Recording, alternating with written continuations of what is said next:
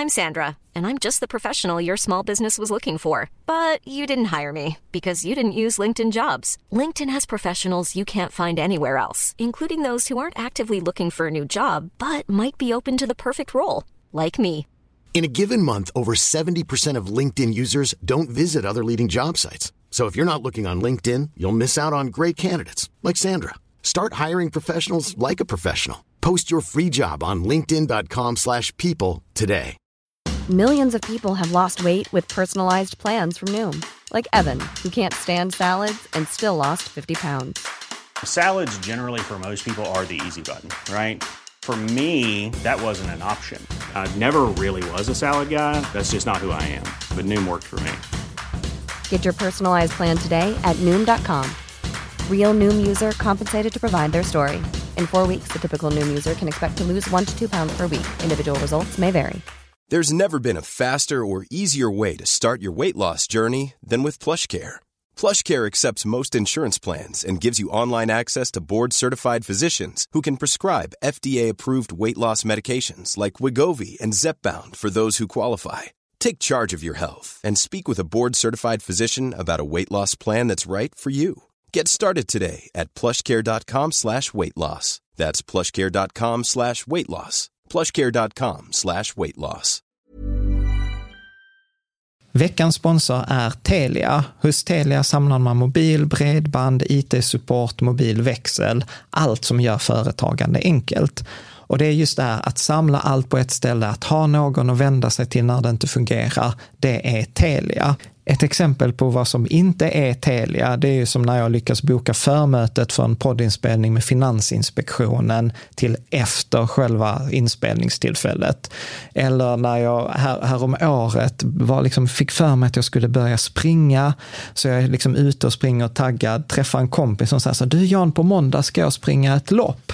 Och jag känner så här, ja men det låter inspirerande, så jag käkar pasta, jag byter om, tar mig ner till Malmö stadion för att göra en efteranmälan, står där i kön och sen så när jag liksom anmäler mig så tittar de på mig och säger så här, du Jan, vårhuset är bara till för kvinnor. Och eh, det var, det var typisk en situation som inte är Telia. Oavsett, ett stort tack till Telia som sponsrar, gör Rika Tillsammans möjligt, men framför allt tack till dig som lyssnar, följer och eh, hänger med oss varje vecka. En av de intressanta sakerna med de här fem grejerna som de flesta ångrar på sin dödsbädd är ju att faktiskt ingen av dem handlar om pengar. Varmt välkommen till Rika Tillsammans-podden som handlar om allt som är roligt med privatekonomi och livet. Varje vecka delar vi med oss av vår livsresa, våra erfarenheter, framgångar och misstag så att du ska kunna göra din ekonomi, ditt sparande och ditt liv lite rikare. Vi som driver denna podden heter Caroline och Jan Bolmesson. Idag är det dags för avsnitt 294 och eh, idag så blir det en bok som, som heter Top 5 Regrets of the Dying. Ja, Och okej. det är utifrån en bok eh, som är skriven av en australiensiska som heter Bronnie Ware, som eh, då har jobbat i ett antal år genom att hon bor hemma hos människor som sån här sköterska. Ja, jag liksom- tänkte precis fråga, så hur vet man liksom vad som är det topp, eh, vad ska man säga, regrets of the dying? Ja. Ja, Nej, men hon, hon har liksom, hon, och det är lite speciellt, jag, vet, jag har aldrig hört talas om det här i Sverige, men att, att hon bor hemma hos dem liksom, och det har varit mycket, liksom, detta är hennes minnesbilder av de här samtalen hon har haft med de här klienterna. Och, och sen blev det då en bloggartikel som blev jättekänd och sen blev det bok eh, på det här. Och sen har hon liksom skrivit fler böcker. ja okej, så den är inte helt ny, Nej. boken? Nej, Nej. och jag, jag tänker så här, eh, att alltså detta är lite roligt. Alltså I höstas så hade vi den här att vi funderar på så här, okay, men vad, är, vad är meningen med livet eller vad, är- vart är vi på väg? Vi kanske ska göra någon förändring. Och den Mm. där processen pågår ju fortfarande. Förra avsnittet så pratade vi om så här, min, min resa hos Bertil. Och det, jag vet inte om det är livet eller universum eller att man just nu, det är typ som när man är gravid, man bara ser barnvagnar och gravida överallt.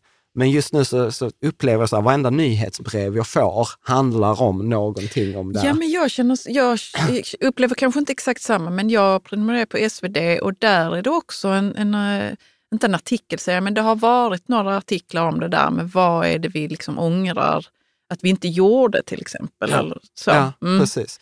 Så att jag ser detta lite, vi kommer in här på, på bakgrunden i, i, i boken. Men, men jag tänker ju att jag ser ju detta lite som en genväg, att de flesta som följer Riket Tillsammans är Mm. någonstans mellan 30 och 55. Och, och så ser jag att detta är lite som att man tar en genväg att, eh, till ett rikare liv. Att man liksom, okej, genom att tänka på de här grejerna redan nu, så kanske man kommer få det bättre sen. Att man slipper ångra sig. Ja, men dels, dels det vi säger att man vill ha ett rikare liv, det vill säga att innehållet i ens liv ska ju vara liksom det som man vill ha. Ja. Och man vill helst inte komma, ihåg, äh, komma på det liksom 30 år eller 40 år för sent. Ja. För det är, alltså jag tror det är vanligt, Jan. Eh, Jag Enligt tror henne, det faktiskt. ja.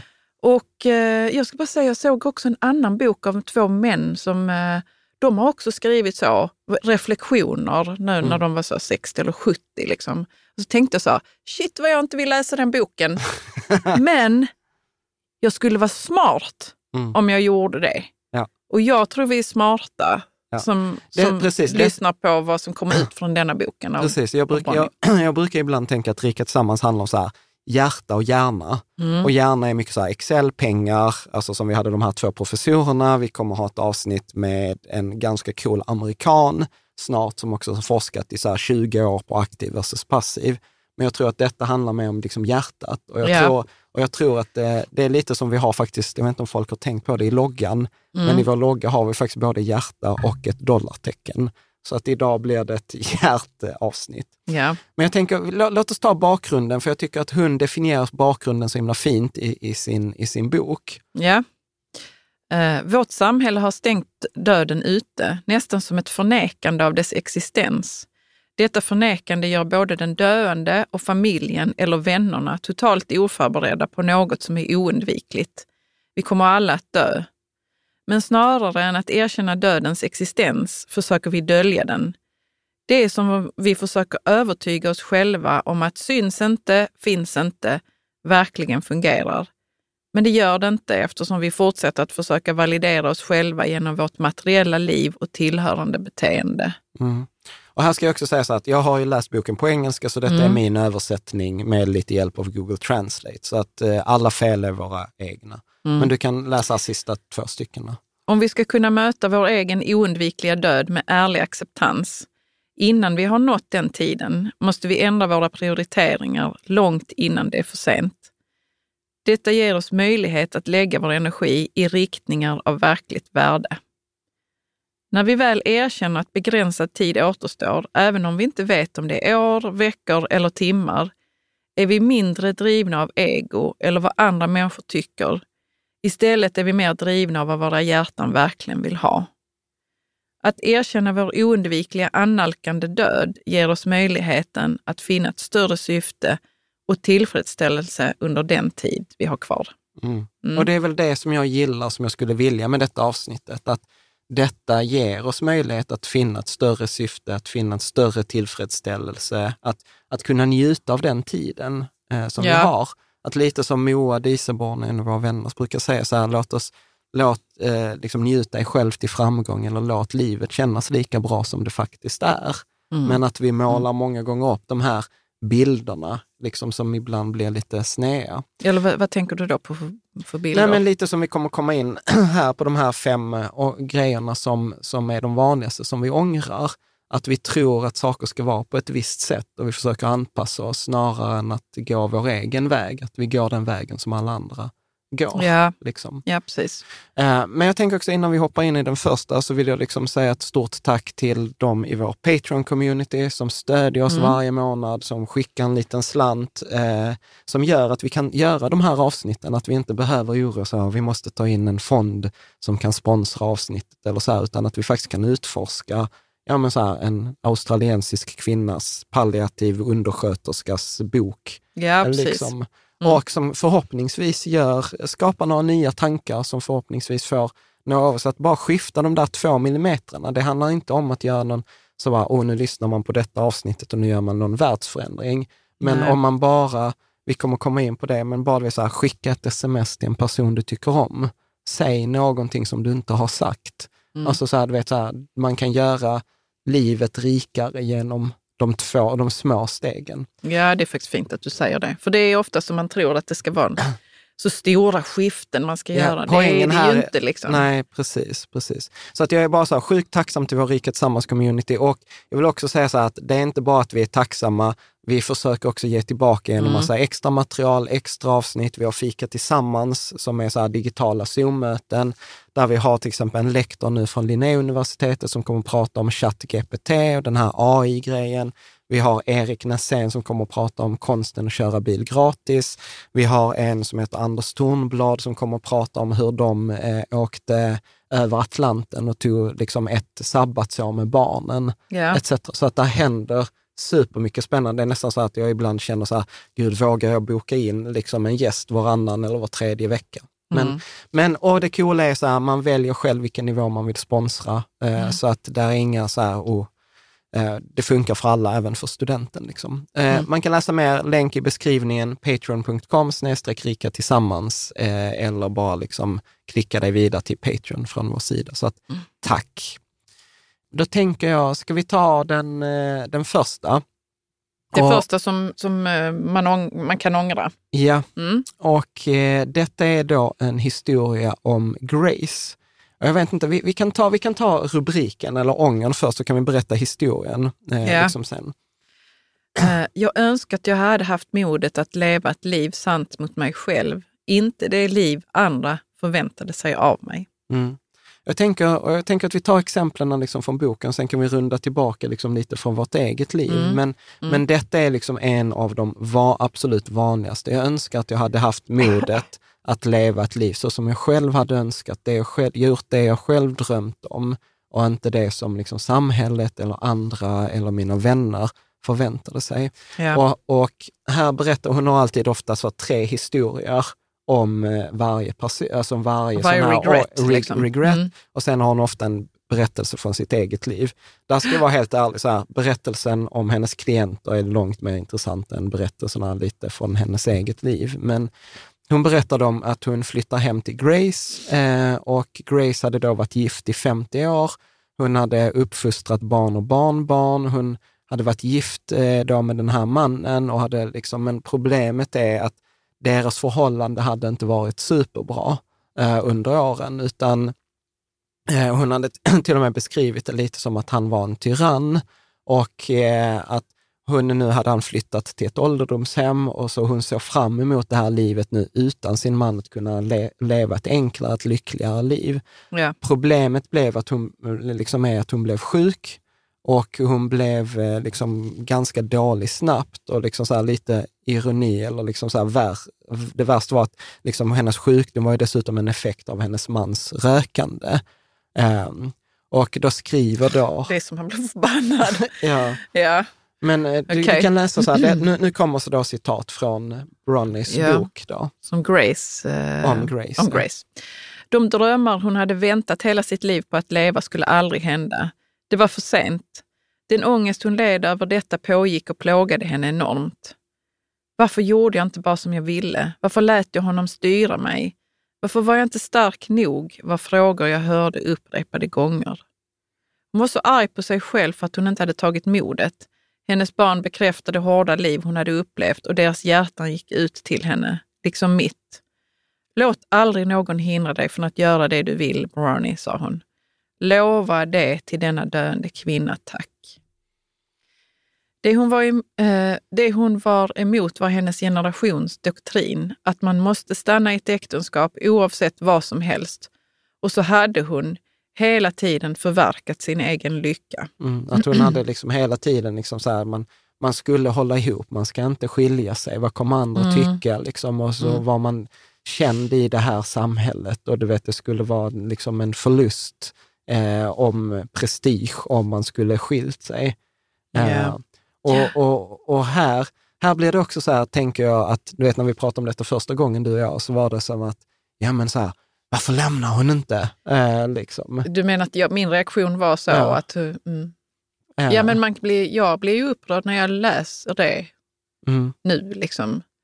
Och vi, men samtidigt så har vi ju också doktriner här i vårt samhälle, så man måste ha lite förståelse. ja men eller hur. Och Hon sen- var född på och sen- 40-talet eller Ja. vad det var. Ja, och sen, och sen tänker jag också så här att Att, så här, att jag tror att många stannar kvar i en relation längre än vad som egentligen är nyttigt för var och en i relationen. Och, och där jag såg någon undersökning, jag ska, vi ska försöka göra ett avsnitt om det där, att ja, men vad, vad var det, var tredje kvinna har inte råd att skilja sig. Eller Ja. som en av våra kompisar som jobbar på bank sa så här, du vet, kommer det in en kvinna i 40-årsåldern utan sin man, ja, då kan jag alltså liksom slå vad om att en av frågorna kommer vara så här, har jag råd att skilja mig? Mm. Eh, och, och där, jag tror att det blir så lätt ibland också att hoppa in och döma. Men Ja, du, kan, du, kan, du kan läsa mer. Liksom.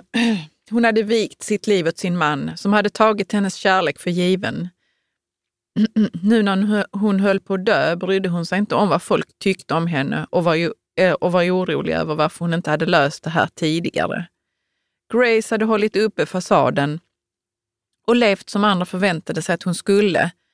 Först nu insåg hon att valet att göra det, allt, eh, att, valet att göra det alltid hade varit hennes eget och var baserat på rädsla. Av all ånger och alla lärdomar som mina klienter delade med sig av eh, när jag satt bredvid deras sängar var denna vanligaste ångern över att inte ha levt ett liv sant mot sig själva. Det var också den som orsakade mest frustration eftersom klientens insikt kom för sent. Mm. Och, och där skriver hon också Mm. så att det ligger ju i människans natur att liksom hitta den här styrkan för att undvika ytterligare smärta. Att vi är duktigare på att avoid pain, alltså att undvika smärta, än, än att liksom tillåta oss själva att njuta eller att känna lycka. Ja. Det var som, jag tror det var någon eh, som sa så här att vår hjärna är gjord för att vi ska överleva, inte för att vi ska vara lyckliga. Liksom. Och, och, och hon skriver, Bronnie skriver då att längtan efter att slippa smärtan är med andra ord långt starkare än den här längtan efter njutning. Så det är ofta först när smärtan blir för mycket som vi äntligen finner modet att göra en förändring. Eh, och det, du kan läsa det som sista Ja. här då. Hon önskade att hon hade haft modet att leva ett liv som är sant mot sitt eget hjärta, inte det liv som andra förväntade sig av henne. När det är begränsad tid kvar finns det lite att förlora på att vara helt ärlig. Ja, vi har varit förkylda i två veckor. Ja, så gud, det- alltså sängliggande förkylda. Ja. Nej, men jag, jag tror jag brukar kalla detta för hutivation. Att det är först när hotet blir för stort, att det är så här, nu är jag trött på att vara trött, nu får det fan vara nog. Nu är det är liksom då man gör den här förändringen, det är då man lämnar relationen, det är då man säger upp sig från jobbet, det är då man gör någonting annat. Och jag tror att vad detta nog handlar om, för mig, den här ångern, jag önskar att jag hade modet att leva ett liv sant mot mig själv, att det många gånger handlar om rädslan. Att ja, det- att det- absolut att det, handlar om rädsla. att, att liksom så här, vad ska andra människor tycka om jag gör det här? Och du vet, för mig kan detta handla om allt från liksom utbildningen. Jag läste Mm. en utbildning jag inte gillade egentligen. Jag läste teknisk fysik. Jag ville egentligen hoppa av, men jag vågade inte hoppa av universitetsstudierna för att det var, liksom, det var inte okej för min mamma. För, som, för att jag liksom, sen var liten, att så här, skaffa dig en bra utbildning så att du får ett bra jobb. Eh, man gjorde inte det för liksom alla andra fortsatte. Man, vad, tänk, vad skulle jag vara den utan den där avslutade utbildningen? Alltså det är mycket som kommer in där. Vad ska man göra istället och hur ska man ta den konversationen Ja. med mamma till exempel? Ja. Mm. Eh, och, och jag tror att det är också här, eh, alltså som vi har pratat med ko- kompisar som liksom bytt karriär. Att så här, ja men du har ju denna fantastiska, ska du nu liksom byta och hoppa av? Och många gånger så tror jag att, att den här, vad andra förväntar sig, är i all välmening. Att det kommer ofta från kärlek. Om jag, tar, om jag tror till exempel om jag tar min Ja. mamma och utbildningen, så, så handlar det om så här, hon vill ju att det ska gå bra för mig och receptet till hennes liv har varit utbildning och jobb. Är med? Och då blir det ju liksom att, att man håller kvar. Mm. Liksom. Jag ska För- utmana dig lite Jan, att det kan vara kärlek. Det är det. Men kan det inte vara så att man tar över andras rädslor också? Jo, såklart. Och jag tror så här, för dig, det är inte som att du, jag- om jag, alltså om jag skulle kasta någonting på dig här, men Ja, gör det. Nej, men din doktorandtjänst Ja. skulle jag också vara så här, det var väl kanske så här efterhand inte ett helt rent val. Att vara så här, oh, jag ska doktorera, det är det jag brinner för i mitt liv. Alltså vet du, från, sen jag var 15 så tänkte jag så att jag ska bli forskare. Men det var baserat på en rädsla av att andra skulle tycka att, annars att jag var korkad. ja, Förstår du? Att man är ju inte korkad om man har doktorerat. ja. Så, men eh, om jag bara ska lägga in en parentes så kan jag visst det känna mig lite som en kork ibland ändå, fastän jag har doktorerat. Det var bara för att jag var rädd för att andra skulle tycka att jag var dum. Ja. Eh, en, en osmart person. Ja. Om jag inte Och, gjorde och, samma, det. och Liksom. samma sak när vi gjorde detta skiftet, att vi skulle jobba tillsammans Mm. och att vi skulle vara mer hemma och att du skulle liksom ta mer hand om barnen. Mm. Så var ju din, din första reaktion var så här, jag har ju för fan inte doktorerat för att bli hemmafru. Ja, absolut. Och det var ju också grundat i en rädsla för vad andra ska tycka. Ja, precis. Och folk kan ha alla möjliga åsikter. Så, har du kostat samhället det här och det här? Det dåliga, dåliga samvetet. Mm. Har du kostat samhället detta och sen så ska du inte göra det som du är utbildad för? Ja. Alltså, du vet, det är så mycket åsikter som kan komma farande som Mm. inte ens har med en själv att göra. Ja. Men man tar in det Mm. och så lever man ett annat liv än kanske det man vill. Ja. Mm. Och jag tror, och jag tror att det, detta är så, så lite klurigt också, för att jag Mm. tror att många av de här rädslorna, så här, liksom, vi låter dem vara under ytan. Ja. Eh, liksom, och, och att de bara, liksom, ja, men, du vet, tänk om jag fick göra det här. Ja. Liksom, eh, tänk, att, att, jag tror att detta handlar om så här, det här att sticka ut. Mm. Och, och för vissa så säger jag så här, kan, kan, kommer inte kunna relatera till det vi pratar om, så här, men jag har levt mitt, hela mitt liv utanför boxen. Och då brukar jag säga, men tänk om din box bara ser annorlunda ut. Att rädslan där för dig hade varit, ja, men tänk att vara inne i boxen. Mm. Så att jag, jag, tror, jag tror att detta är, det som är klurigt med denna är liksom att nu pratar vi om utbildning, Ja. hon pratar om relationen i jobb. För någon annan kan det handla om, liksom så här, tänk att ja, men jag gjorde aldrig, jag skaffade mig inte den hästen jag hade Ja. velat, eller jag gjorde inte den resan jag ville ha, eller jag gjorde inte det där. Blev inte konstnär som jag ville. Ja, Mm. precis. Blev snickare istället. Ja, Mm. för att liksom så här, nej men, Det var mer- snickare kan man Mm. inte vara, för det är väl ingen status i det? Nej men Eller alltså, ja men ja, i- vad? vad nej, vad du sa snickare kan man inte vara. Nej, men för, för det där finns ju en viss syn bland, alltså det ska jag inte sticka ur, i vissa akademikerkretsar så ser man ju ner på det. Man ska ju ha en utbildning och man ska ju ha ett yrke och man ska ha en titel. Jo och, men kommer, då, vet, vet du vad, det var någon, någon eh, i, eh, inte i vår bekantskapskrets, eller jag vet inte, det var någon som du pratade om som hade doktorerat i kemi Ja, och som sen blev polis. ja, Och du vet, som det snackades om det här, ja, att det var liksom så konstigt. Att han då var högt utbildad, sen så ville han bli polis. Liksom. Och Jag tyckte också samtidigt det så, just den grejen är så att den, den öppnar upp för att man kan göra så. Ja. Och sen tror jag, och sen återigen, det blir också svårt för att jag har inte relationen till det, men jag kan ju Mm. tänka mig till exempel i den här hbtq-världen, Mm. att där måste det också vara liksom en, en sorg för väldigt många människor som känner sig annorlunda och som, som ska liksom vara in i någon mall. Liksom. Vilken mall det än kan vara. Ja. Ja. Mm. Så, att, så att jag tror att, eh, och det är väl lite det som hon säger, så att vet, när man inser att ja, men jag har inte så mycket tid kvar, men då blir jag så här, fuck it, nu, nu Mm. går jag all in. Men alltså jag fattar inte, hur gör man då? Liksom, för att eh, komma underfund med vad det är man vill. För det är inte helt tydligt kanske ens. När Nej. man väl är inne i det här livet som bara kör på. Liksom. Nej, jag vet inte. Jag tror, jag tror att detta är en utforskning Mm. och, och att se och att det blir lite den där den där lilla rösten. Alltså jag pratade ju med, med någon som till exempel eh, liksom tog hand om sin partner Ja. väldigt mycket och hade liksom lite i det där glömt bort sig själv. Liksom, Mm. Att man gör Mm. allt för alla andra, men liksom så här, när gör man något för sig själv?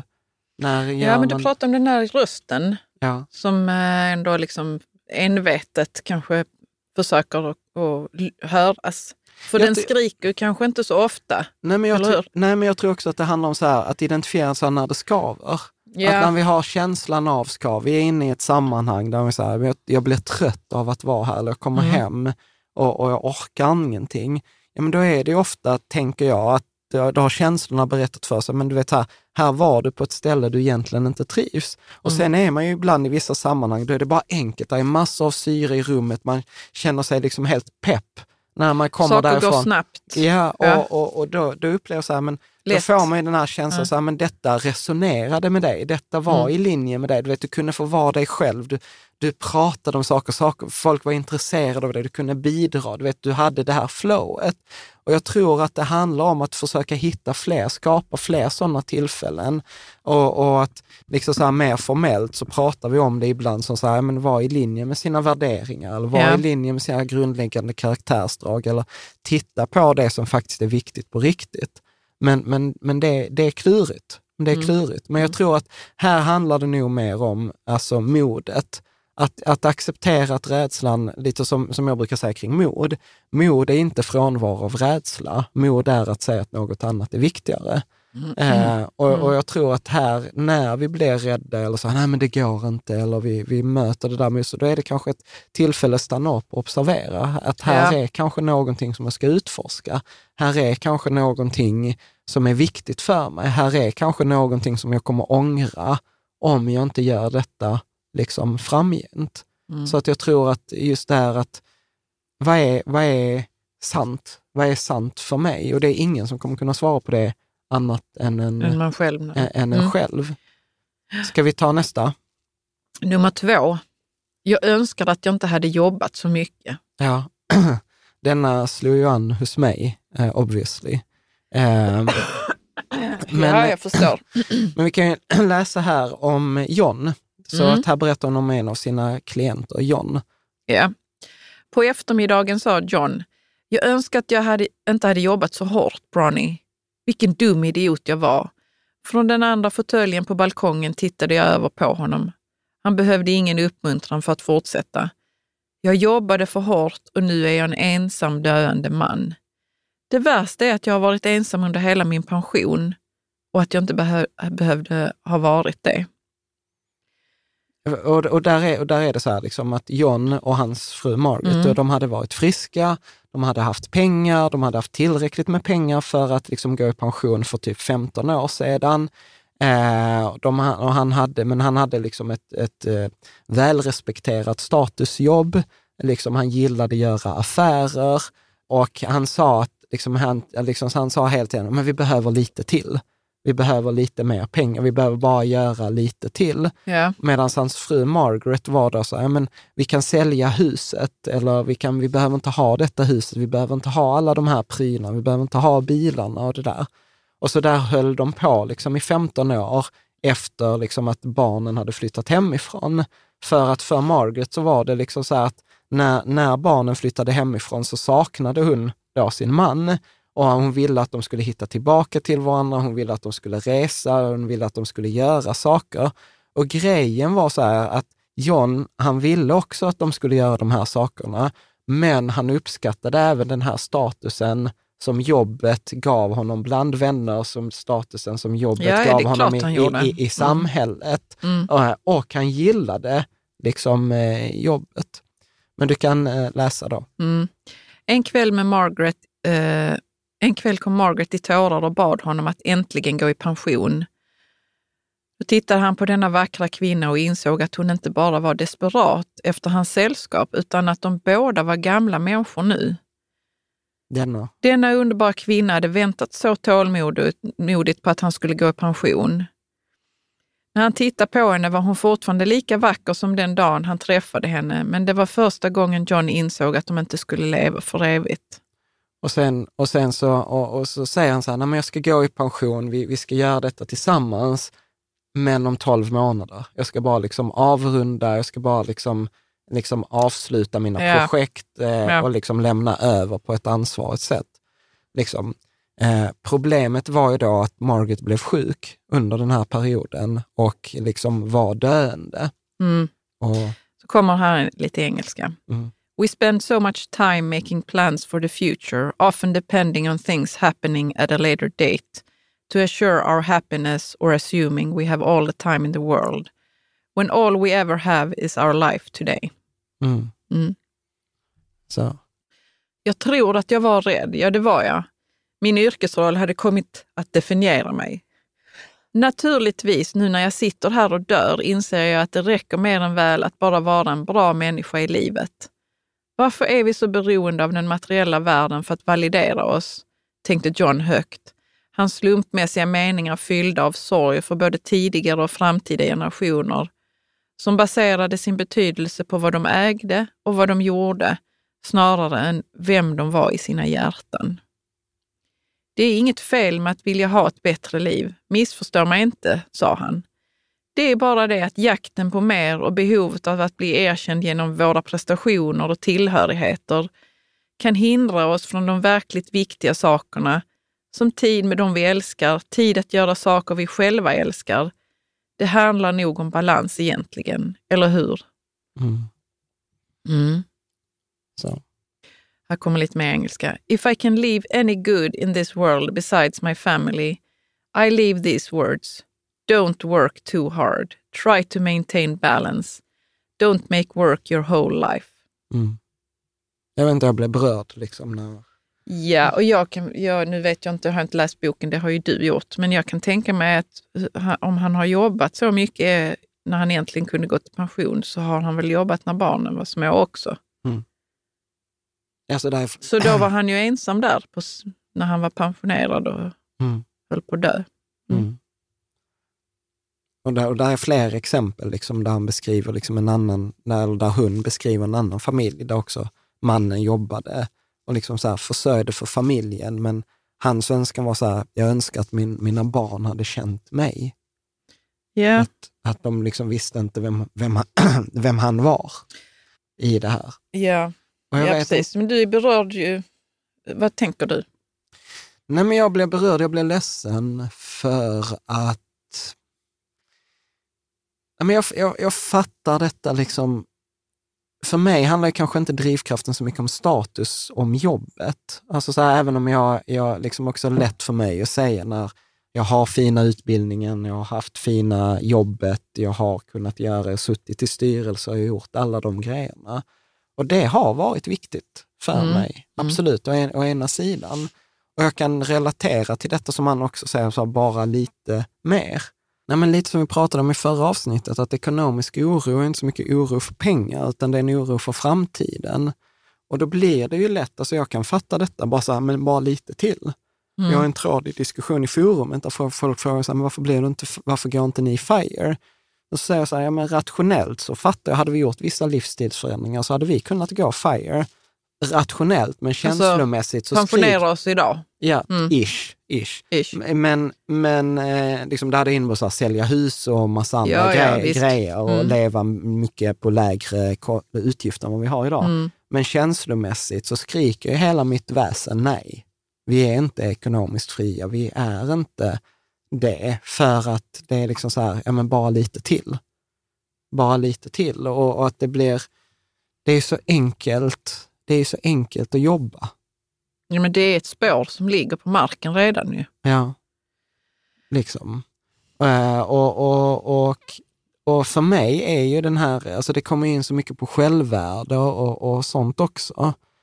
Så, som han säger, så här, naturligtvis nu när jag sitter här och dör eller är döende, inser jag att det räcker mer än väl än att vara, bara vara en bra människa i livet. Och det är så här, jag fattar det rationellt. Rationellt, ja, det är klart att det är viktigast att vara en bra människa och vara närvarande. Men känslomässigt så är jag så här, fuck you. liksom. Nej, det räcker inte bara att vara en bra människa. Du ska försörja familjen, du ska göra massa andra grejer. Jo, men vi pratar ju också om balans här. Ja, ja. Det var det som jag tyckte var väldigt fint i den här texten. Att det är inte bara det ena eller andra. Mm. Man, man behöver inte vara, bara vara en bra människa Mm. eller bara gå till jobbet hela tiden, utan det är en balans ju.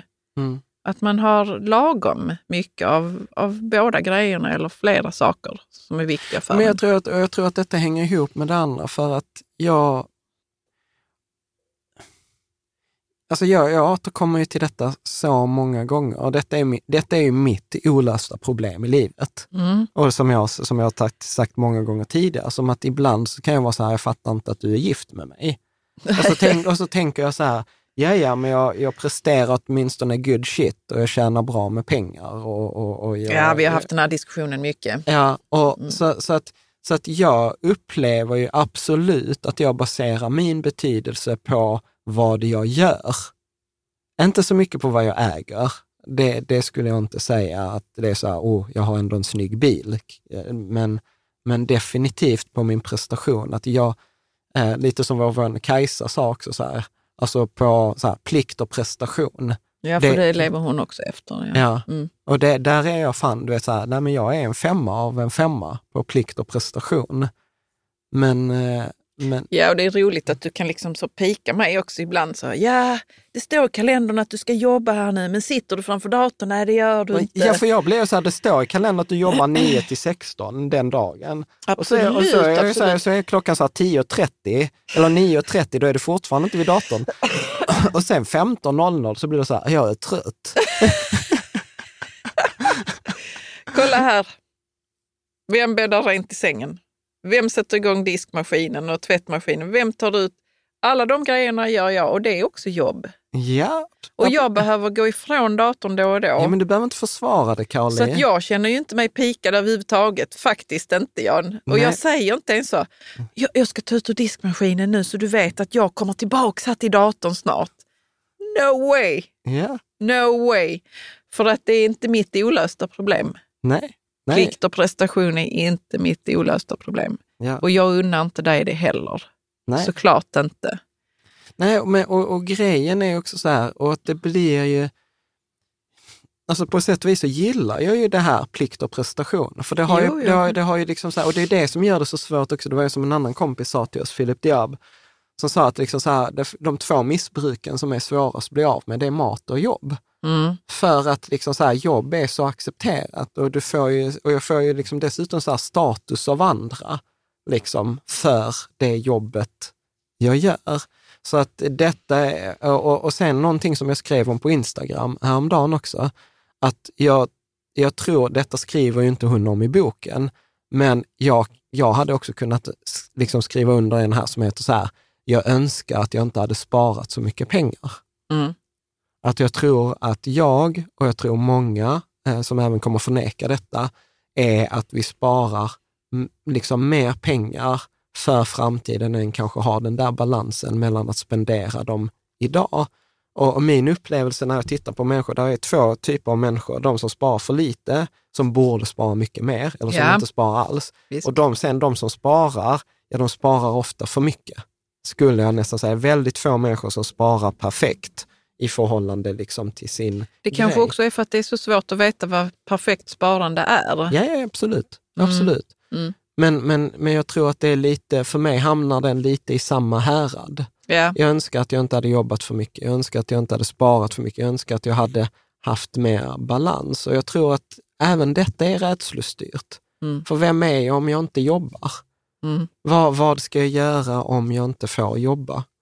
Uh, så att nej, jag vet inte, den var, alltså det, det var så sorgligt. Liksom, att jag grät när jag läste detta. Att, uh, liksom att ja, man skulle bara göra tolv månader till och så dör hon under tiden.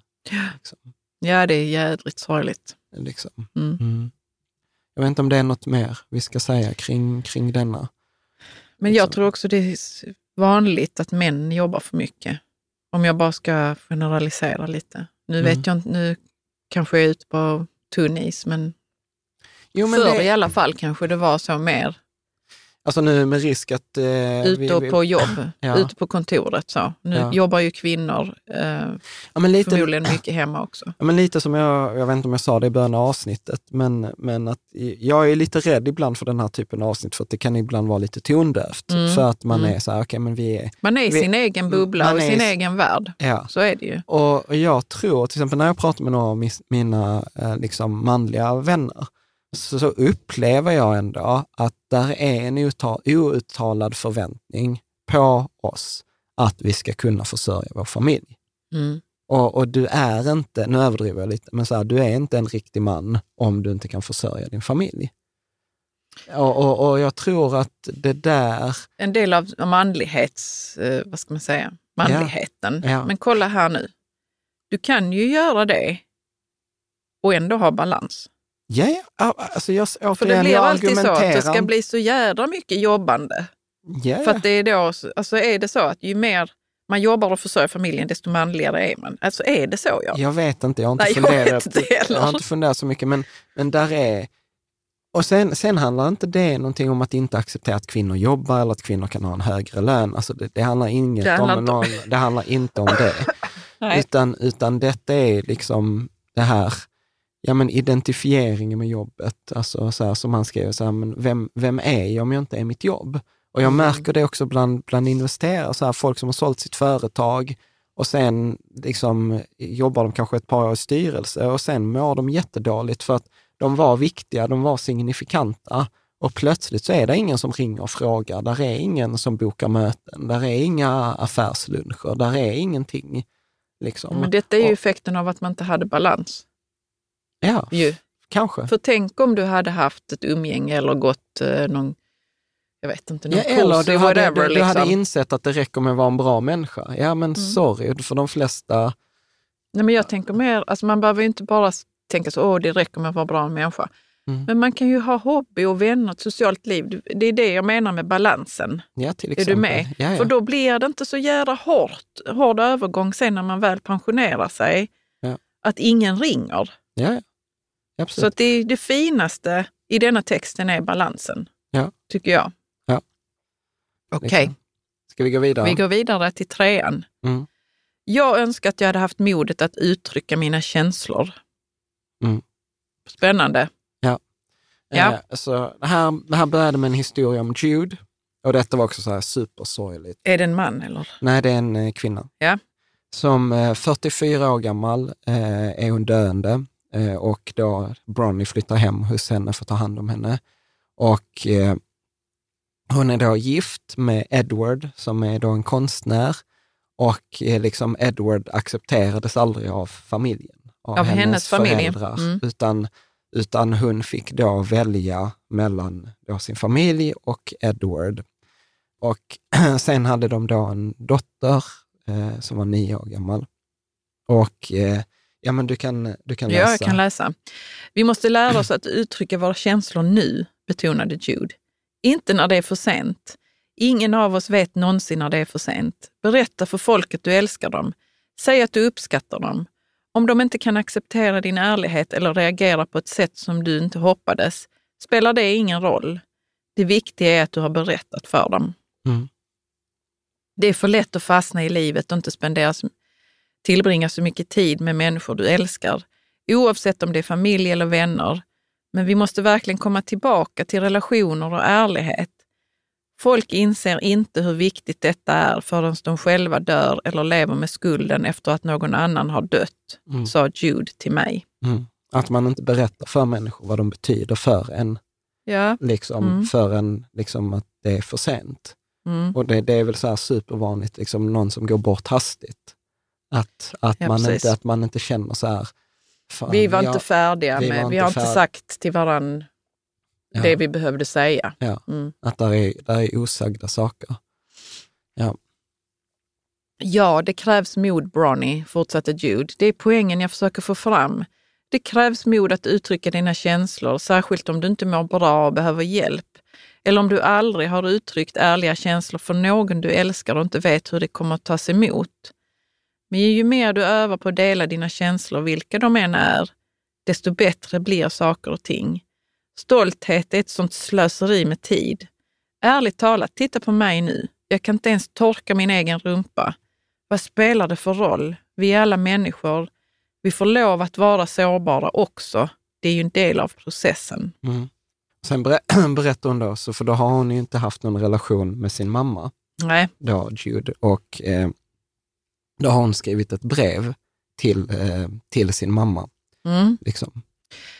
Vid det här laget kunde hon inte prata, men allt hade sagts i brevet. Jude hade berättat för sin mamma att hon hade älskat henne och gjorde det fortfarande. Hon skrev om glada minnen hon hade känt och att de positiva saker hon hade lärt sig eh, och hon, om de positiva saker hon hade lärt sig av sin mamma. Brevet innehöll inget negativt eftersom Jude hatade skuld och ville att hennes mamma skulle veta att hon var älskad trots sorgen i deras förhållande. Judes mamma hade eh, dök upp oväntat några dagar senare och hade varit tillbaka varje dag sedan dess. Höll Judes hand och såg när hennes dotters liv närmade sig sitt slut. Mm. Du kan läsa det sist också. Edward berättade för mig att Judes mamma hade pratat mycket med henne och att tårarna hade fallit ner för Judes kinder, särskilt när hon hörde sin mamma säga att hon älskade henne. Hennes mamma bad om ursäkt för att hon hade varit så dömande. Hon erkände att hon i hemlighet var avundsjuk på sin dotter och på Judes mod att bortse från samhällets förväntningar, något som hade berövat henne själv lycka i livet. Mm. Mm. Vad tänker du? Nej, men jag tänker precis som, som Jude eh, sa, att man måste ju säga de här sakerna, vad det nu än är, eh, som är viktigt för en. Och inte bry sig om exakt hur det tas emot. Mm. För det kan vara så att man inte får någon respons ju, men man har sagt det. Mm. Ja. Nej, men jag, tänker, jag tänker också på det här att, att jag, jag tycker ju detta är jättesvårt. Alltså så här, som, jag önskar att jag hade haft modet att uttrycka mina känslor. Nej, men som Och häromdagen- vad tänker du då specifikt? Men, nej, men jag tänker så här, jag tycker det är ganska lätt med dig eller med barnen. Mm. Men liksom utanför det så tycker jag att det är ganska svårt. Att, eh, du vet, så här, jag försökte skicka till, till, till min kompis Niklas häromdagen. Bara, äh, jag tänker på det. Och så kändes det så fånigt. Och än, än värre hade det varit så här, du vet om jag hade skickat det till någon tjejkompis, då är jag så här, shit alltså hon kommer tro att jag raggar på henne eller att det är något. Då får du ju nyansera det. Jo, jag vet, men Men det är som hon, eh, Jude beskriver det, Mm. att ju mer man övar på det, desto lättare blir det ju. ja, ja, Niklas, blev, Niklas blev ju jätteglad. Ja, men det är bra, det, är smset, fint. Jag är liksom. jätteglad att höra att du gjorde det. Ja. Och sen också så här, eh, jag, vet, jag vet inte om min mamma lyssnar på det här, men jag, jag tänkte på det här, du vet efter vi varit i Italien och så pratade vi med min mamma och så berättar ju ni lite mer av sin historia, för att Mm. det är vissa saker som har varit så här, lite dunkelt. så, berätt, så insåg jag så här med min mamma, att, för jag kan ibland vara så lite arg på henne för att jag tycker att hon är så bara, åh nej, det verkar så läskigt med bank-id och betala räkningar via internetbanken. Ja, men både du och, och jag har ju såna här karaktärsdrag att man ska vara kapabel och kunna saker. Det ska, ingenting ska liksom Ja. skrämma en när det kommer till sådana saker. Så Ja. det är klart att det blir liksom lite så in your face. Ja, det blev lite provocerande. Ja, Men så insåg jag ändå så här, ja men fan, du vet så här, hon träffar då min pappa, liksom man, eh, liksom så här, de hänger typ några månader bara. Och sen hänger hon med honom till ett annat land. Du vet så här, får lite samma val som Jude fick här Ja. av sin mamma. Du väljer antingen honom eller du väljer det oss. var väl hennes pappa va? Ja, Mm. och, och, och så tänker jag så här, så, ja, men så gör min mamma det. Hon bara, bara sticker. Så tänker jag så här, shit det där var ju skitmodigt. Alltså det är ju jättemodigt. Tänk att Ja, lämna alltså grejen är att liksom vi har ju allt. nog inte rotat tillräckligt mycket i det. Nej, Vad tänkte du? ja. Hur Men- lång var processen? För jag tror att det är lätt att sen, alltså att en sån process låter som att det var enkelt eller whatever. Alltså Liksom. du är så rolig, du bara kidnappar min Ja, konversation förlåt här. Ja. I alla fall, så insåg, så insåg jag så här, att, att det var modigt. Mm. Så häromdagen så ska jag säga det till min mamma. Och så sa jag så, så här, mamma, så här, jag har ändå tyckt att du var modig. Och jag vet inte vad jag förväntade mig för svar, men jag fick ett sånt där svar som var lite pompöst. Jag sa det var som var typ så här, ja, jag var väl glad att du äntligen insåg det, eller någonting. Och jag, och, och, och jag blev så här, men vad, vad fan? Och då var jag så här, Jo, men vad var det för feedback? Det är ju spännande. Det behöver vi kanske inte ta nu, men Nej, alltså, du men- fick men- feedback där på något jag, vis. jag fick, jag, jag fick i alla fall en reaktion som jag inte förväntade mig. Och som var, var så här, nej, då skiter jag väl i det då. Eh, var min spot och så gick jag och satte mig i bilen. Liksom. Eh, För ni avslutade diskussionen där med det. ja, vi var ute. Vi var ute. Herregud, Jan. Ja, så, så att, så att jag, jag fattar detta när hon säger också så här, men du kan få, du, du kan få någon så här konstig... Du kan få någon som säger så, skit ner dig. Ja, När du säger... eh, när man du... berättar någonting man som ändå är, berättar så, från som, sitt är, som är Mm. autentiskt eller från hjärtat. Och det, jag, men jag tycker det är fint att Jude sa det, att man kan, du, du vet, bara du har sagt det. Så, Ja. jag kan ju också vara så att jag skickar sms till våra vänner och så, jag tänker jättemycket på er, och, eller till min syster och sådär. Och, och, och så tänker jag så, de, de kanske inte ens svarar och det är okej. liksom. Ja. Det spelar ingen roll. Ja. Och sen, och sen så tänkte jag också så här, det som också så här stack ut för mig var det här brevet som Mm. hon liksom skickar Mm. till sin mamma. För där tänker jag, alltså det, jag gick någon kurs i personlig utveckling och så var det någon som sa, någon handledare som sa så här, det finns alltid någon personlig utveckling att göra med sina föräldrar. Ja, ja, absolut. Där är, där är liksom alltid någonting att eh, liksom... eh, Reda ut, ja. Reda, inte Mm. reda ut, men prata om eller liksom... Man Få perspektiv på Ja, för man har alltid en åsikt om sina föräldrar. Mm, För att mm. de, de flesta av oss går från den här bilden att liksom föräldrarna är allsmäktiga och vet allt, tills man inser så här, shit, de har inte koll på läget. Och sen till slut så kan man till och med bli arg på dem för att de har liksom betett sig eller Ja. gjort vissa, Ja. Eh, vissa saker. Eller att där det blir liksom, Mm. ja men så här, människor du har i ditt liv som du egentligen inte har valt. Mm. Eh, liksom. Ehm, vad, tänker, vad tänker du om det? Nej, men jag tänker på mina egna föräldrar. Alltså, jag har ju inte kontakt med dem. Mm.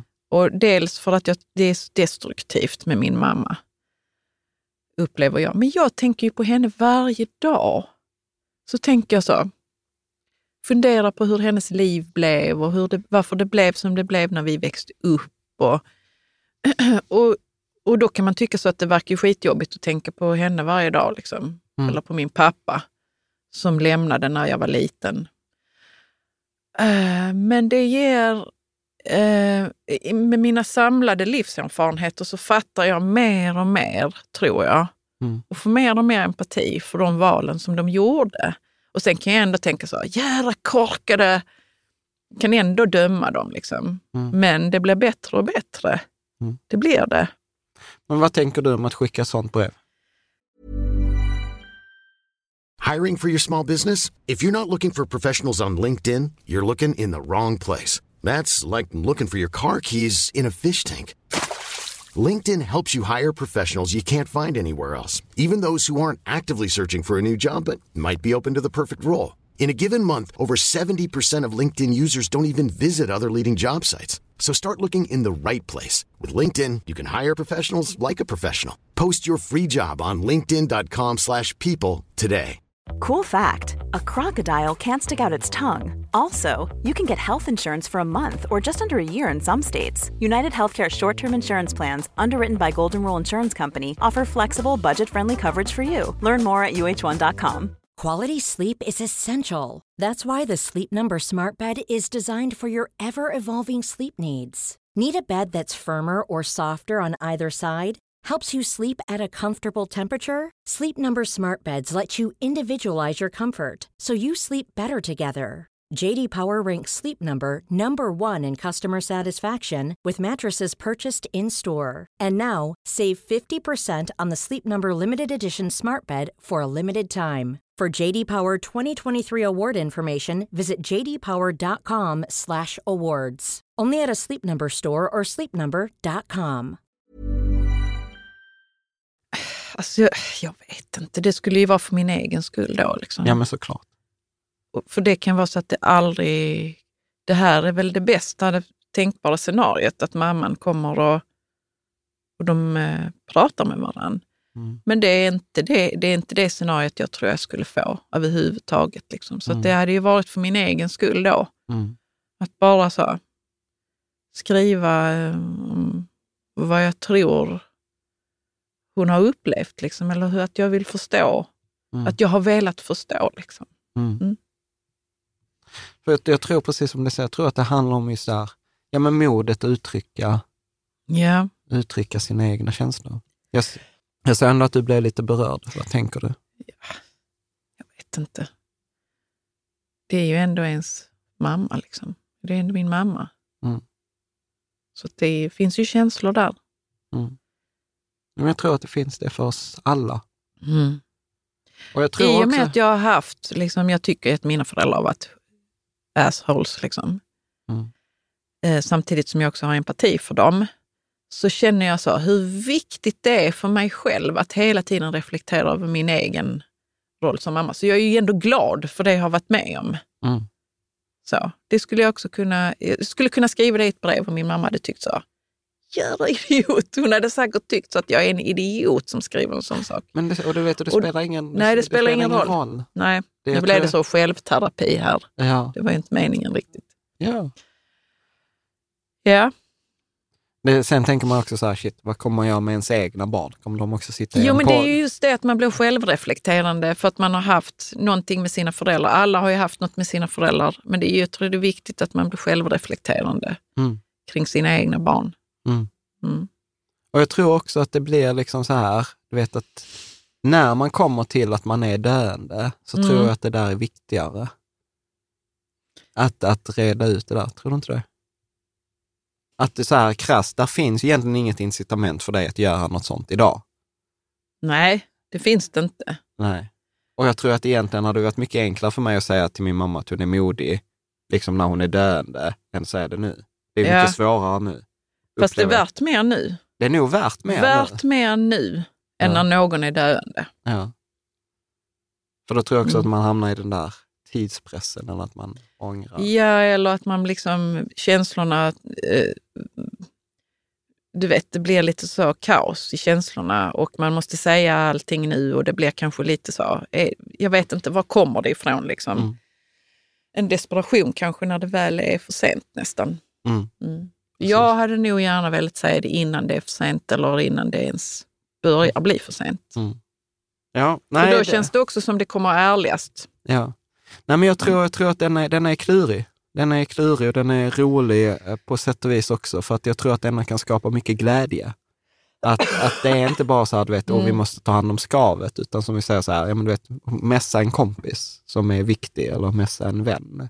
Ja, Eh, eller ja, eh, precis. liksom messa dina barn om de är vuxna. Eller liksom så här. Och det sjuka är att när vi uttrycker våra känslor så blir det ju ofta kärlek. Det kommer ju ofta från kärlek och människor blir glada. Liksom. Mm. Men vi är så jävla, eller ja, jag är så jävla rädd för vad människor ska tycka. Ja, för man ska, ska också verka det. som, eh, lite needy eller man verkar som att man är en känsloboll eller whatever. Liksom. Ja. Vad sk- ja. Att man kommer verka som att man är i behov av någonting. Ja, Men man och- kanske inte ens är det. Nej, och det är det som hon Jude skrev också så här, stolthet är sånt slöseri med tid. Ärligt Mm. talat, jag kan inte ens torka min egen rumpa. Nej. Och det där tänkte jag också på mycket i boken, att liksom hon Bronnie skriver det i något kapitel, liksom att hon reflekterade över mycket hur början av livet och, början av livet och slutet av livet är samma. Hon skriver så här, it's all about the, the food and the bowels. Liksom. Ja, Eh, precis, så, ja. Har du ätit, har du varit på toa? Liksom. Ja. Eh, bra. Ska vi ta nästa? Fjärde av femte. Jag önskar att jag hade hållit kontakten med mina vänner. Mm. Och här var det också liksom, eh, ja, vi börjar med historien så kan vi ta här lite. Ska du läsa? Ja, man tror aldrig som en mamma som ammar sin vackra lilla flicka att något någonsin skulle kunna ta bort er närhet. Men närheten försvinner, precis som livet ger så tar livet, delade hon. Hon har sitt eget liv nu och jag har lärt mig under åren att man bara måste släppa taget. Jag tog henne till, eh, in i denna världen, men vi äger inte våra barn. Vi är bara välsignade med rollen att vägleda dem tills de kan flyga på egen hand. Och det är vad hon gör nu. Mm. Och då var det liksom en, jag tror hon hette Margaret, som då berättade om sin dotter som hade flyttat till Japan, eller vad Ja. det var, och som var ensam. Så detta handlade väldigt mycket, det här kapitlet, om ensamhet. Ja. Liksom. Jag har dött av ensamhet här älskling. Jag har, hade hört att det var möjligt och, och det är det. Ensamhet kan säkert döda dig. Jag blir så sugen på mänsklig beröring ibland. Du vet, och så berättade också den här som inte, du vet, den här damen, du vet, hon hade inte fått, fått en kram på flera månader. Nej. Liksom. Och, Nej. och ganska tragiskt också, så vet jag, jag tror om Bronnie skriver det så här, liksom, vill du bli deprimerad eller så här, gå in på ett ålderdomshem och liksom se hur många människor som är ensamma. Mm. Liksom. Jag saknar mina vänner mest av allt. Några har dött. Vissa i situationer eh, så som jag. Några har jag tappat kontakten med. Jag önskar att jag inte hade tappat kontakten med dem. Du föreställer dig att dina vänner alltid kommer finnas där, men livet går vidare. Och plötsligt finner du dig själv med ingen alls i världen som förstår dig eller som vet något om din historia. Mm. Och detta tänkte jag också jättemycket på när jag läste det. Så här, Gud vad viktigt det är med historien. Alltså så här, du vet att man har vissa vänner som är liksom, Som vet, har varit med. som har varit Mm. med. Så man, liksom, du vet, så här, man behöver inte berätta, utan, Nej. utan du vet, så här, man bara hakar i där man var för. Mm. För att där är så mycket historia. De har varit med om alla de här signifikanta händelserna i ens liv. Ja, likadant med syskon. Ja. Exakt likadant som med syskon. För, för där var jag också så här, liksom, ja, men jag vet inte, jag tyckte det var någonting som berörde mig. Att, Mm. att liksom, du vet, tänk att till slut så finns det inte människor som kan din historia. Nej, och jag har jobbat på ålderdomshem. Mm. Eh, och de människorna, de damerna som bodde där, de blev ju vänner med varann. Men det är ju liksom de sista åren. Mm. Eh, och det var många som var änkor, Mm. så de hade inte sina män längre. Och de hade heller inte så många vänner. Alltså de var ju över 80 allihopa. Liksom. Mm. Så många vänner hade ju dött. Mm. Och så tänkte jag så helt strategiskt, jag vet inte, det kommer att låta så idiotiskt. Man måste skaffa sig vänner genom hela livet. Mm. Också sådana som är yngre och för det sin egen skull. Liksom. Mm. Kan säkert provocera någon. Jo, men hon skriver ju det också, en annan dam som hon var hos, eh, Elisabeth. Mm. Det handlar om att ha rätt vänner för rätt tillfälle, antar jag, funderade Elisabeth. Jag har helt enkelt inte de rätta vännerna för det här tillfället och för min avresa. Förstår du vad jag menar? Mm. Det tänker jag också på, liksom, att ja, man behöver ju olika vänner i olika faser i livet. Liksom. Men eh, du kan få läsa där. Tappa inte kontakten med de vänner du värdesätter mest, Bronnie. De som accepterar dig som du är och som känner dig mycket väl, de är i slutändan värda mer än något annat. Det här är en kvinna som talar av erfarenhet, insisterade hon lätt och log mot mig genom sin smärta. Låt inte livet komma i vägen. Vet bara alltid var du hittar dem och låt dem veta att du uppskattar dem under tiden. Var inte rädd för att vara sårbar heller. Jag slösade bort dyrbar tid på att inte låta dem alla veta vilken röra jag var. Mm. Vad tänker du? Ja, men jag tänker, eh, låt inte livet komma i vägen. Och jag slösade bort dyrbar tid på att inte låta dem alla veta vilken röra jag var. Mm. Jag tror hon hade problem med alkoholism eller något sånt där. Ja, och så, Så vill man typ inte berätta- det. För Man vill, inte, man vill inte liksom störa sina vänner, man vill inte belasta dem med det, Nej, utan man ska, man ska klara sig själv. Men det kan ju vara så att man belastar sina vänner och säger jag är alkoholist eller jag har problem med ditt eller datt eller jag är deprimerad. Och det kan ju vara så att de inte vet hur de ska hantera det. Mm. Och det har jag varit med om. Och det är helt okej. För du vet, det var inte som att eh, världen rasade. Utan det var i den situationen så visste då vår vän Kristoffer inte vad han skulle göra när jag brakade ihop. Mm. Detta var ju 20 år sedan, men ja, vi är vänner ändå liksom. Mm. Det var i den situationen som jag bara förstod, så, ah, men nu, fick, nu gav jag honom lite för mycket här. Jag kan ju liksom försöka Men vad är din poäng, Caroline?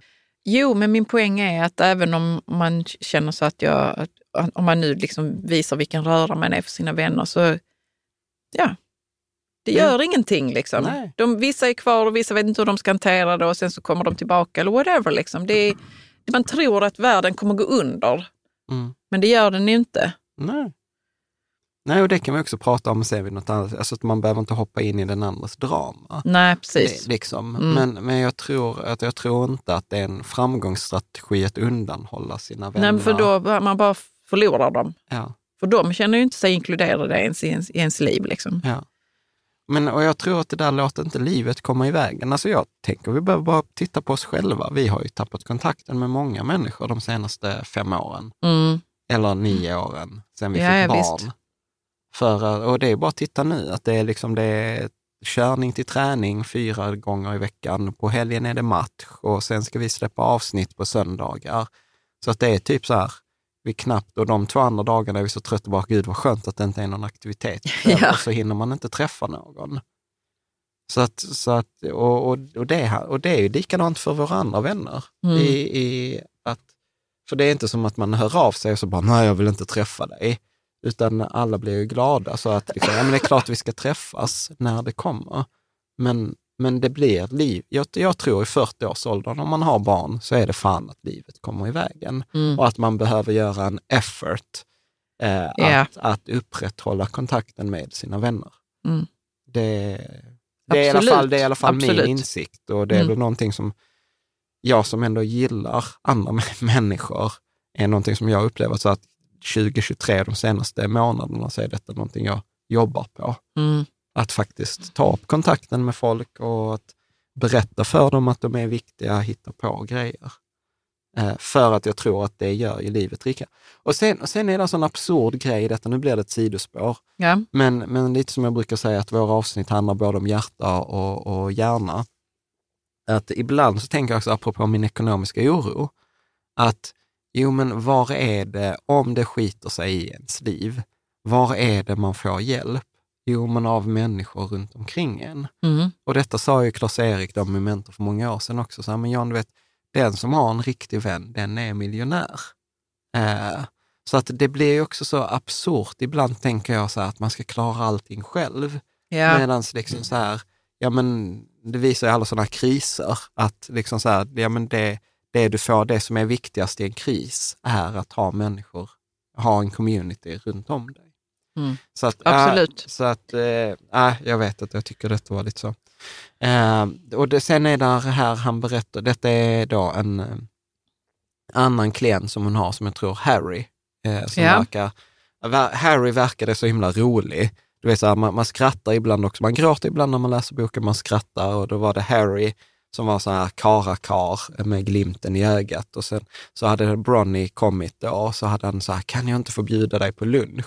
Så hade de Ja. gått ut på någon sån här seglingsklubb och sen så kommer de, och så hade han bett henne så här, men kan du inte ha på dig en klänning? Och så, eller kan jag få köpa en klänning? För hans fru hade dött för det så 20 år sedan. Ja, ja. Mm. och så kommer hon dit då, ja och sen så ser du att eh, vid ett annat bord så sitter där liksom fem andra män i samma ålder som tisslar och tasslar och tittar. Då har han ringt till sina kompisar. Alltså, titta, jag har fått gå hit med den här vackra kvinnan. Liksom. Och hon har bara, alltså när, när man är 85 och man kommer med någon som är i 30-årsåldern, det spelar ingen roll hur man ser ut, man kommer vara attraktiv i era Ja, ja, ögon. visst, kommer ändå vara- så här great physical shape eller vad det var. Ja, du vet, visst. och hon är så himla rolig för hon, liksom, hon spelar med. Hon bjuder på hon det. bjuder på det och, och, liksom, och att det blir så mycket glädje alltså, i de här människornas liv. Men eh, Mm. du kan läsa då vad liksom, Harry pratar, för han pratar just om det här, att han hade massor av vänner även när han var gammal. Liksom. Ja. Min familj kommer först, men du behöver människor i din egen ålder också. Om det inte vore för de vänner jag har fått genom klubbarna skulle jag ha varit en väldigt ensam gammal person. För han var då engagerad i så här, båtklubben och vandringsklubben och liksom... Ja, precis, ja. eh, Så Mm. mm. Jag skulle inte ha varit ensam... Eh, vänta, här, vad har du, hur har du Ja, det översatt var bara dåligt översatt. Jag skulle inte varit ensam eftersom jag har mina barn och mina barnbarn. Men jag hade varit ensam för att jag hade inte haft eh, sällskap med likasinnade människor i min egen ålder. Nej, precis. Att han var så att, ja, men, Okej. att ensam, då tänker man så här, ja, men familjen. Jag visst, du behöver din familj, men du behöver ändå dina vänner också. Du behöver Mm. människor i din egen ålder. Eller? Som fattar en. Ja. Ja. Vilken tid eh, ger den här... Vilken tid ger du den här veckan för att umgås med vänner? Um, det är vad jag vill veta. Jag skrattade åt hans ihärdighet och sa att det skulle finnas gott om tid att komma ikapp med mina vänner senare. Just nu vill jag njuta av min tid med honom. Harry, som också var min vän. Det räcker inte, min kära fröken. Du gör precis som andra gör. Du har säkert lärt dig vid det här laget att du måste ta dig tid för dig själv också. Hitta lite balans och avsätt regelbunden tid för dina vänner. Gör det för dig själv, men ännu mer för dem. Vi behöver våra vänner. Mm. Mm. Och det tyckte jag också var så fint. Att liksom, gör det, liksom så här, du gör det både för dig själv, Och för men, dem. Ja. men du gör Mm. det faktiskt för dem också, för att de behöver ju också vänner. Ja, de och behöver de- också vänner. Ja. How surprising! Ja. ja, precis. Men det är, det är en stor poäng i det här att vi behöver likasinnade i samma ålder. Det är ingen som förstår det så bra som de som är i samma ålder och samma fas. typ. Ja, eller samma situation eller varit med om samma Ja, det är så sak. effortless på något vis. Ja. Mm. Så att, Visst. Så att, Man har eh, mycket att prata om, mycket gemensamt. Ja. Ja. Det är jätteskönt. Ja. Så att Harry verkar ju, han verkar ju vara den så här roligaste. Ja, han eh, liksom, verkar vara en eh, skön snubbe. Karakar, sa du. Ja, och sen hade liksom, du vet, och de vågade inte komma fram och sen gick han och presenterade dem och du vet, då kom de och hälsade Men var han... Eh, Och så här gentleman. Ja, mm. Vadå? okej. tänkte om han var döende. Eller? Jo, men han var död. Han var det, Ja, ja, ja. han behövde så- hjälp. Mm. Och det är det som är så sorgligt för att liksom, man, man får följa alla de här personerna och Mm. sen dör de. Ja, men de, de gör ju det ju. Ja.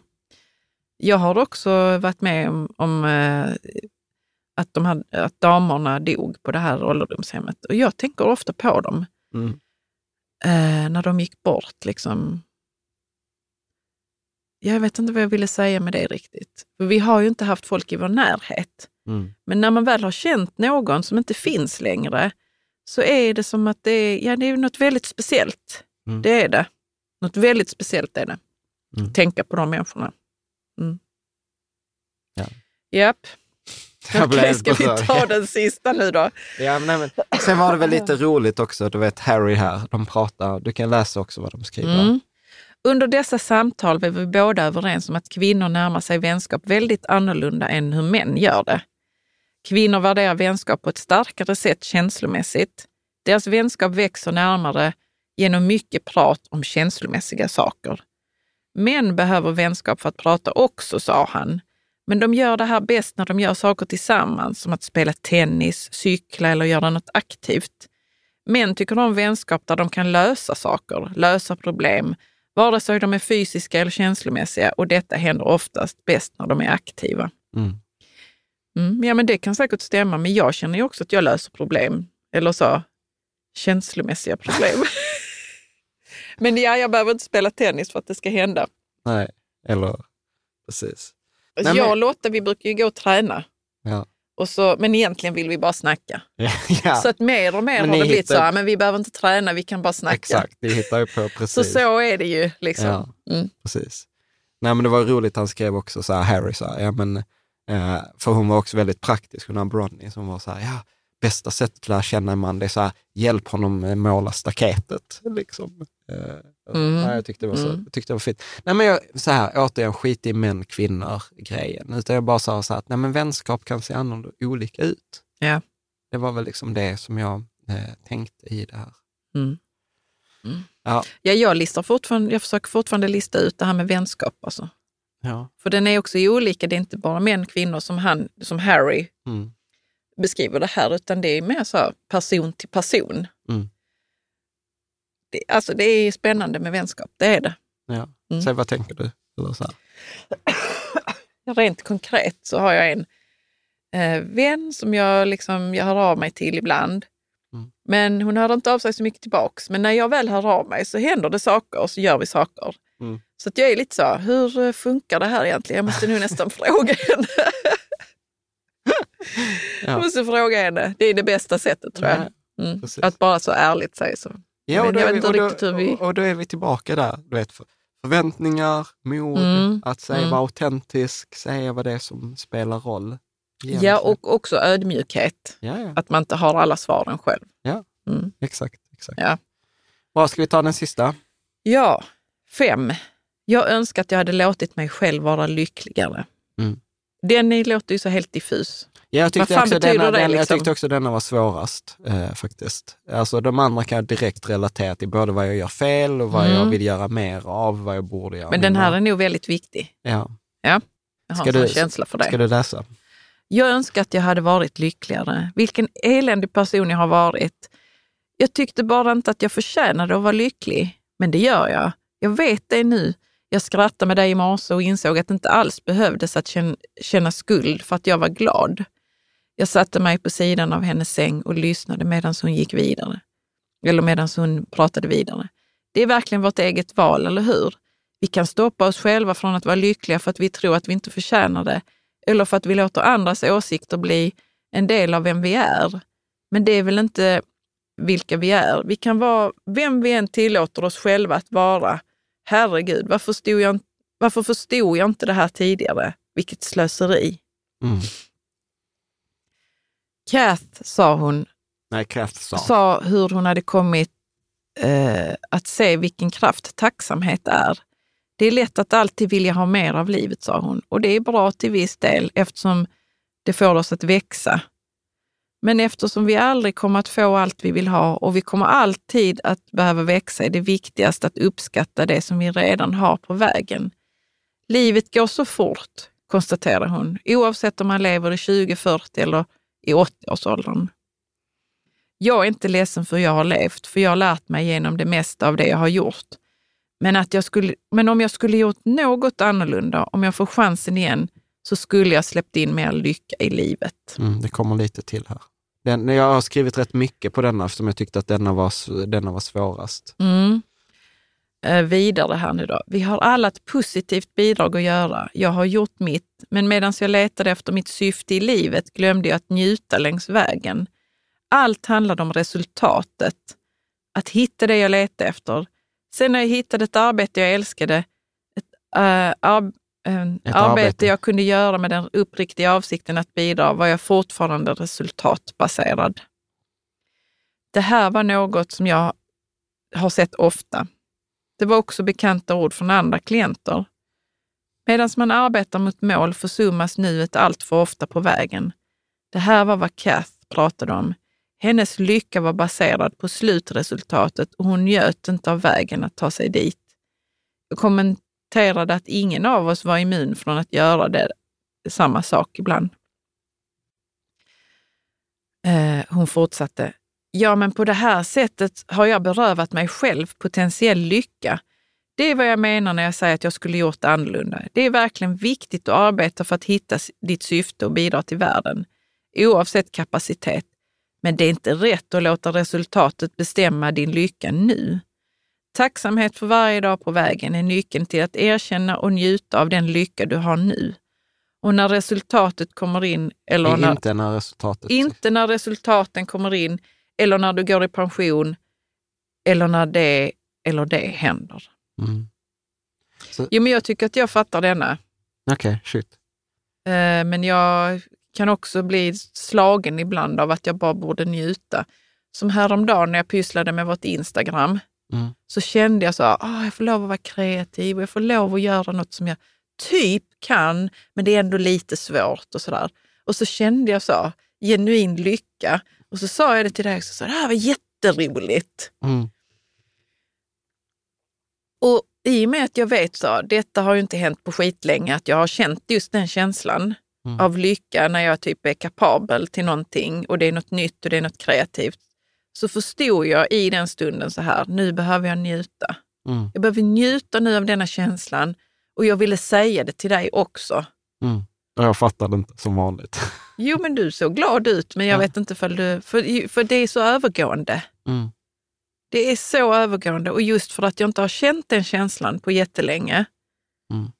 så förstod jag det nog extra väl just i det ögonblicket. Jag säger inte att jag är bra på att känna lycka mm. och bjuda in den och säga att jag förtjänar den. Mm. Men jag minns det, det ögonblicket väl. Ja, men jag tänker också på, på jag, jag, tänker ju mycket på det som Moa säger här i detta, att låt livet kännas lika bra som det är. Mm. Eller njut dig själv till framgång. Eller... Ja, den är ju otroligt fin. Ja.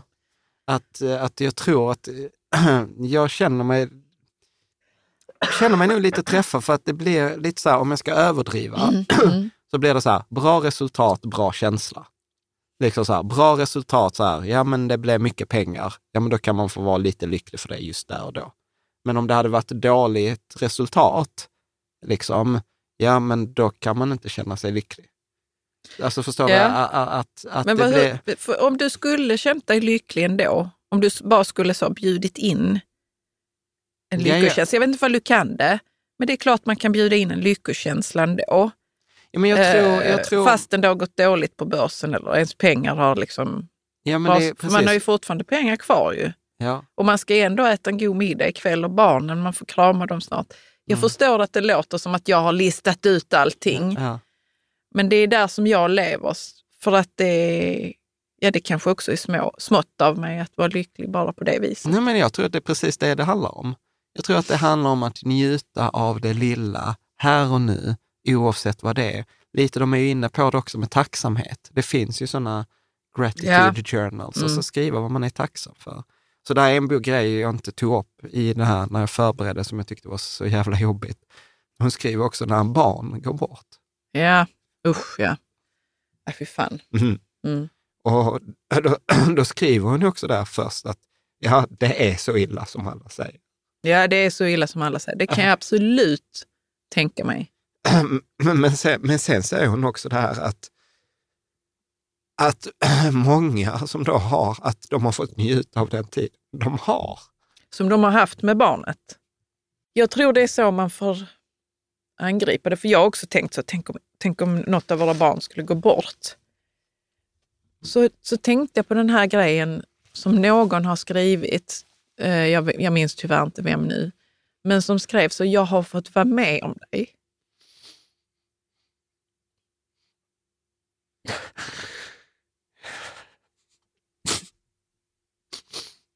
Ja, det, detta tog jag en oväntad vändning.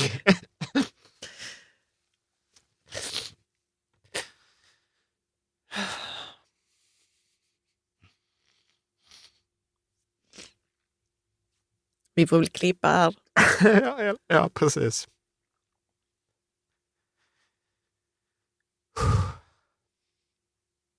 Vad tänker du? Jag vet inte vad jag tänker riktigt. Jag tänker att eh, ja, men det här att jag har fått vara med om dig. Det är nog så jag skulle angripit det. Liksom. Enda sättet för mig faktiskt. Men så är det ju liksom.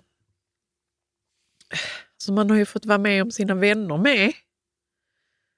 Alltså man har ju fått vara med om en hel del som man kanske inte tänker på att man har fått lov att vara med om det. Mm. Det är väl en sån där tacksamhetsgrej, men den är väldigt fin tycker jag. Väldigt fin. För all lycka är ju liksom övergående. Men det finns ju liksom något, om man nu kan fånga sig själv i de ögonblicken så är det ju, det kanske är det de pratar om i det här Mm. att tillåta sig själv att vara lycklig. Exakt. Och jag tror att det är därför jag blev berörd också. För att det är, apropå detta med jobba mycket eller spara mycket, att jag upplever så här att, liksom så här, fan jag är hela tiden på väg.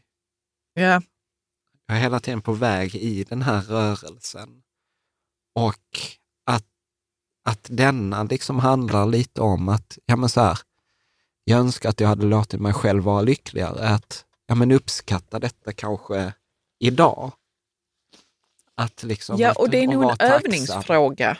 En övningsfråga, för man tycker så, fan, alltså om man aldrig har gjort det. Om man aldrig har gjort det så är det nog svårt, men alltså man får bara göra det tills det liksom börjar lossna. Mm. Stanna upp liksom, i eh, ögonblick. Jag, jag minns när jag doktorerade och ehm, detta är ju så jävla corny alltså. ja, alltså, Så ha- hade jag precis lagt fram min avhandling och vi stod, och skulle liksom, vi stod vid snacksen och champagnen och väntade på att betygskommittén skulle komma ut och säga om man var godkänd eller inte. Mm. Och så kom betygskommittén ut och så sa de att jag var godkänd och så applåderade alla. mm. Och då, i det ögonblicket, så sket jag verkligen i vad folk tyckte, utan jag bara blundade. Jag stod så och blundade. Mm. Och det såg, jag såg säkert jävligt fånig ut. Mm. Men jag minns det ögonblicket som en sån varm eh, lycka. Liksom. Mm. Så att de, alltså, om man kan fånga sig själv, och jag Mm. kunde det där och jag är så glad för det. Mm. Men det är ju många ögonblick som jag inte har gjort. Men, men man får tänka så, jag klarade det ögonblicket.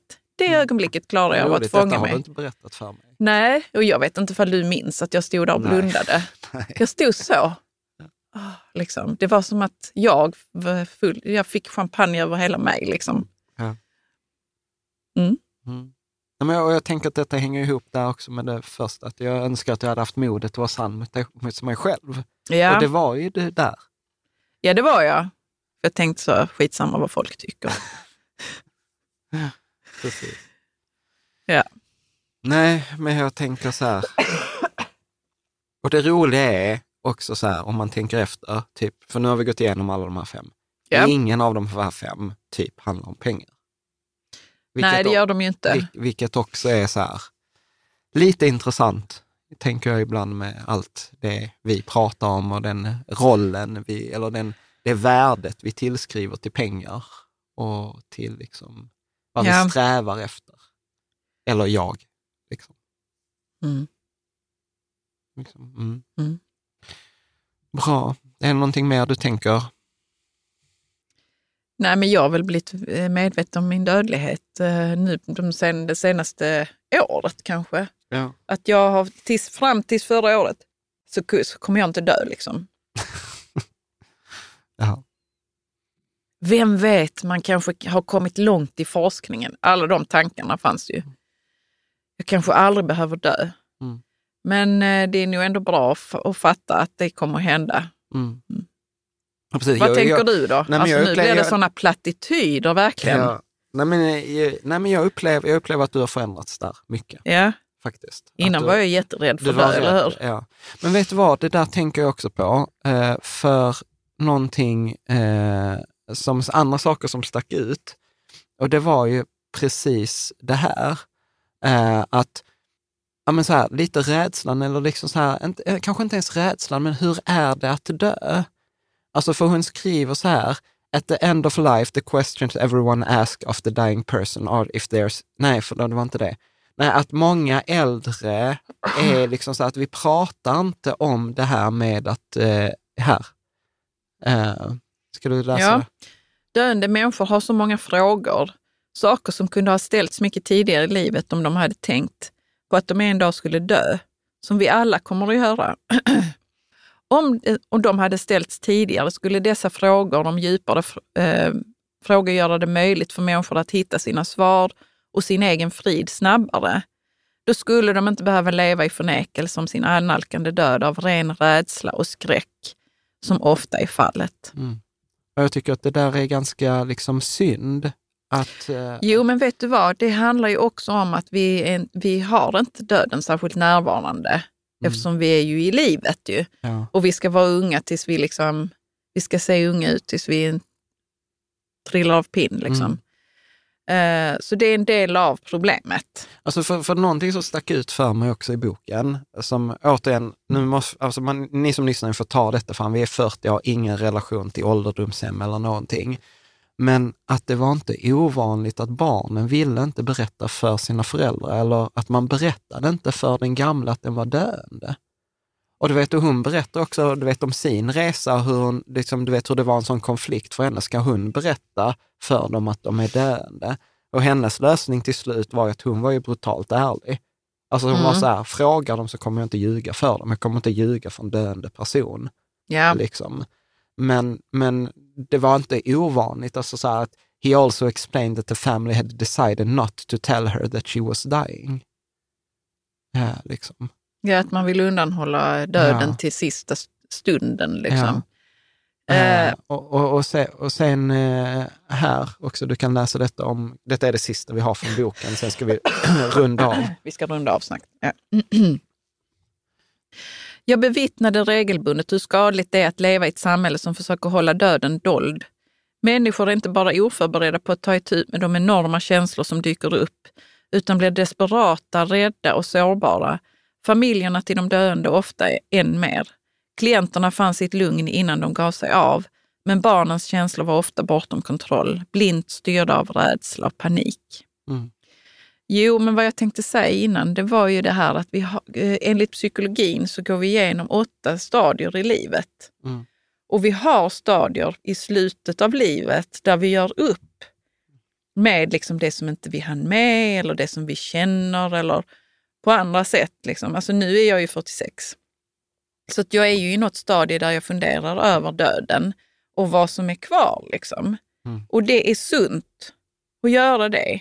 Och gör man inte det så kommer det liksom att komma och bita mig kanske när jag är 62. Mm.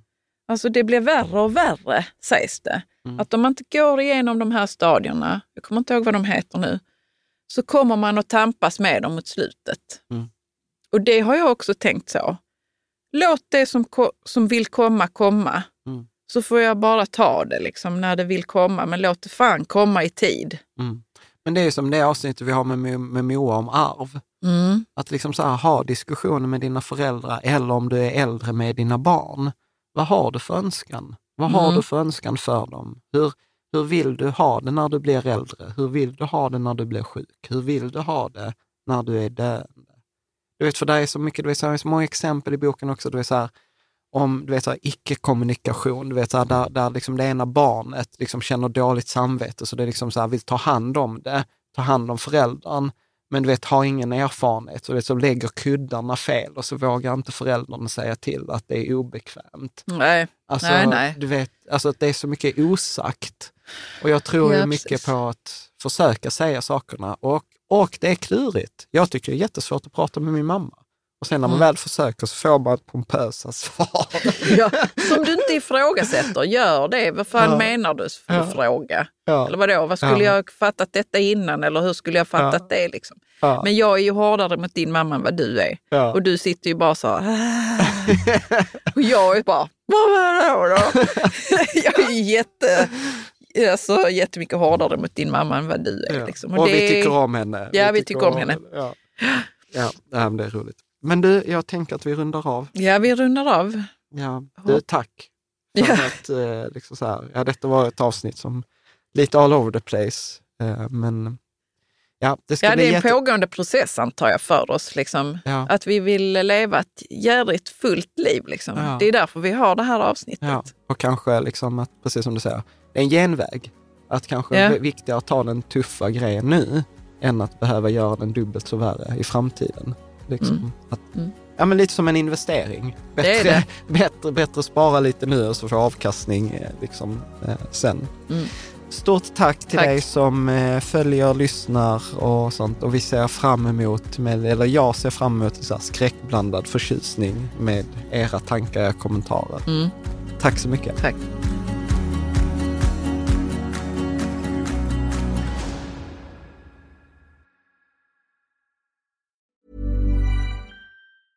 Mom deserves the best, and there's no better place to shop for Mother's Day than Whole Foods Market. They're your destination for unbeatable savings, from premium gifts to show-stopping flowers and irresistible desserts. Start by saving 33% with Prime on all body care and candles. Then get a 15-stem bunch of tulips for just $9.99 each with Prime. Round out Mom's menu with festive rosé, irresistible berry chantilly cake, and more special treats. Come celebrate Mother's Day at Whole Foods Market.